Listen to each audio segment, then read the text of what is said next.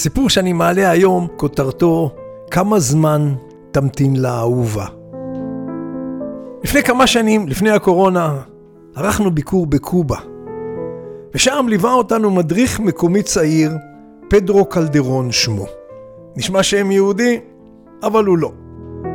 במהלך הטיול התקרבנו מעט, וכשהוא שמע על חיבתי לסיפורים קטנים מהחיים שניתן ללמוד מהם, ניסיתי לדחוק בו, לנסות ולדלות מזיכרונו איזה סיפור קטן מחייו ומחיי הוריו, כי הרי קובה היא מדינה שלא מוכרת לנו. למחרת בבוקר הוא חייך אליי כממתיק סוד, וסיפר לי כי שוחח על כך עם הוריו, ואמו דחקה בו לשתף אותי בסיפור אהבתו הראשונה. זה מעין סיפור בתוך סיפור, הוא התנצל. וכך, באותו הבוקר, כל יושבי המיניבוס הפסיקו את השיחות ביניהם ועשו אוזנם כאפרכסת. להזכירכם, אתם על זיקוקין דינור, פודקאסט שמעלה סיפורי חיים קטנים, מהחיים של כולנו, שיש בהם חומר למחשבה. אספר לכם בקולו שוק הדינור. אז הנה סיפורו של פדרו מקובה. לפני שמונה שנים, ואני אז בן 23, כך הוא פתח ואמר, הייתה לי אהבה גדולה. בעצם אהבתי הגדולה הראשונה. הייתי אז סטודנט באוניברסיטה והכרתי בחורה מקומית שכבשה את ליבי ממבט ראשון. היא נעתרה לחיזוריי, התחלנו לצאת, והרגשתי איך אני אט אט נלכד ברשתה. ללא ספק אהבתי אותה, אבל ככל שעבר הזמן גבר בי הספק אם גם היא נכבשה בקסמיי באותה עמידה. מאחר והאוניברסיטאות שלנו היו מרוחקות זו מזו, וגם לא גרנו באותו האזור בהוואנה, באופן טבעי כשהתחילו הלימודים פגישותינו הלכו והתמעטו, התרחקנו מעט, ותוך זמן לא רב זה הוביל לפרידה. הפרידה השאירה אותי שבור לחלוטין, וחוויית האהבה הנכזבת רוקנה את משאביי במידה שלא תיארתי. למען האמת לא חונכתי ולא קיבלתי כלים, אם בכלל ניתן לרכוש כלים כאלה, כיצד להתגבר על אהבה נכזבת ולשוב מהר למסלול. אמי, שחשה בצערי וכנראה גם כאבה אותו, קרא לי יום אחד לחדרה, הורידה ספר ישן מהמדף, וביקשה להקריא לי אגדה שלא הכרתיה בעבר. הנה מה שהיא הקריאה לי. לפני שנים רבות, כך הרי מתחילות כל האגדות, חייתה בקובה נסיכה יפהפייה.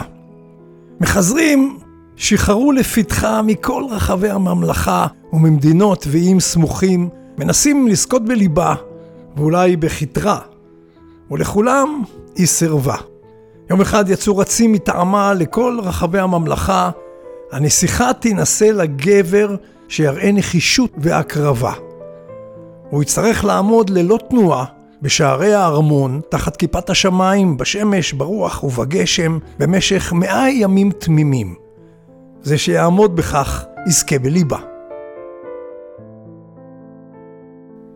השמועה חיש עברה, ובחורים נועזים הגיעו זה אחר זה, מקרוב ומרחוק. היו כאלה שעמדו 20 יום, 30 יום, 40 יום, אבל כשלו והפסיקו. היו נחושים יותר שהצליחו לעמוד למרגלות הארמון 50 יום, והיה אפילו אחד שעמד 60 יום, אבל בסוף גם הוא נחלש ונאלץ לפרוש. ואז, זקוף על סוסו, הגיע לשערי הארמון בחור צעיר ויפה תואר, ממש כמו באגדות, והוא ביקש את השומרים לדאוג לסוסו, והוא עצמו נעמד ליד הארמון מוכן למשימה. והוא עמד, ועמד, ועמד. עשרים יום, ושלושים יום, וארבעים יום, ובהדרגה הקהל החל לנהור לשערי הארמון לצפות בו, להריע לו, לעודדו. ביום השישי מגיעה השמועה על הבחור הנחוש ויפה התואר גם לאוזני הנסיכה, וזו התפתתה להציץ בו מחלונה שבמגדל. עברו 70 יום, עברו 80 יום, קהל רב נוסף הצטופף מסביב הבחור העיקש, והנסיכה שעתה יותר מול חלונה, וליבה נפתח אליו יותר ויותר. 90 יום חלפו, 98, והבחור עדיין ניצב זקוף כתמר.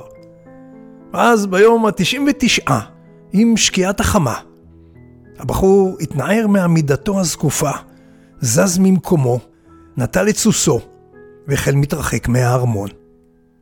הקהל תהה נרעש, מדוע לא נשאר ההלם עוד יום אחד בלבד כדי לזכות בנסיכה היפהפייה? כמה מהם רצו אל האיש ושאלו אותו, מדוע נטשת? נותר לך יום אחד בלבד לפני תום מאה הימים. הבחור הצעיר הביט בהם ואמר להם בשקט, עמדתי ללא תנועה, בגשם, בשמש וברוח, במשך 99 יום. אם לא עלה בדעת הנסיכה היפה לוותר לי במהלך כל הימים האלו, ולו על יום אחד בלבד, היא אינה ראויה לאהבתי. ואימא שלי, כך מסיים פדרו את סיפורו בחיוך מבויש, הרימה את עיניה מהספר, סגרה אותו בנקישה והביטה בי בעיניים אוהבות. היא לא אמרה מילה, רק הביטה בי בעיניים אוהבות. ולפתע, כל כך הוקל לי, הבנתי ש-99 הימים של אהובתי תמו, ואני חופשי לדרכי. כך סופר לי על ידי פדרו קלדרון מהוואנה שבקובה. וחשבתי, איזו דרך מקסימה מצא אמו של פדרו להעביר מסרים. וחשבתי גם שלאלו מאיתנו שבדרך כלל בצד הנותן, וגם לאלה מאיתנו שבדרך כלל בצד המקבל, כמה חשובה ההדדיות. זיקוקין דינור, שוק הדינור.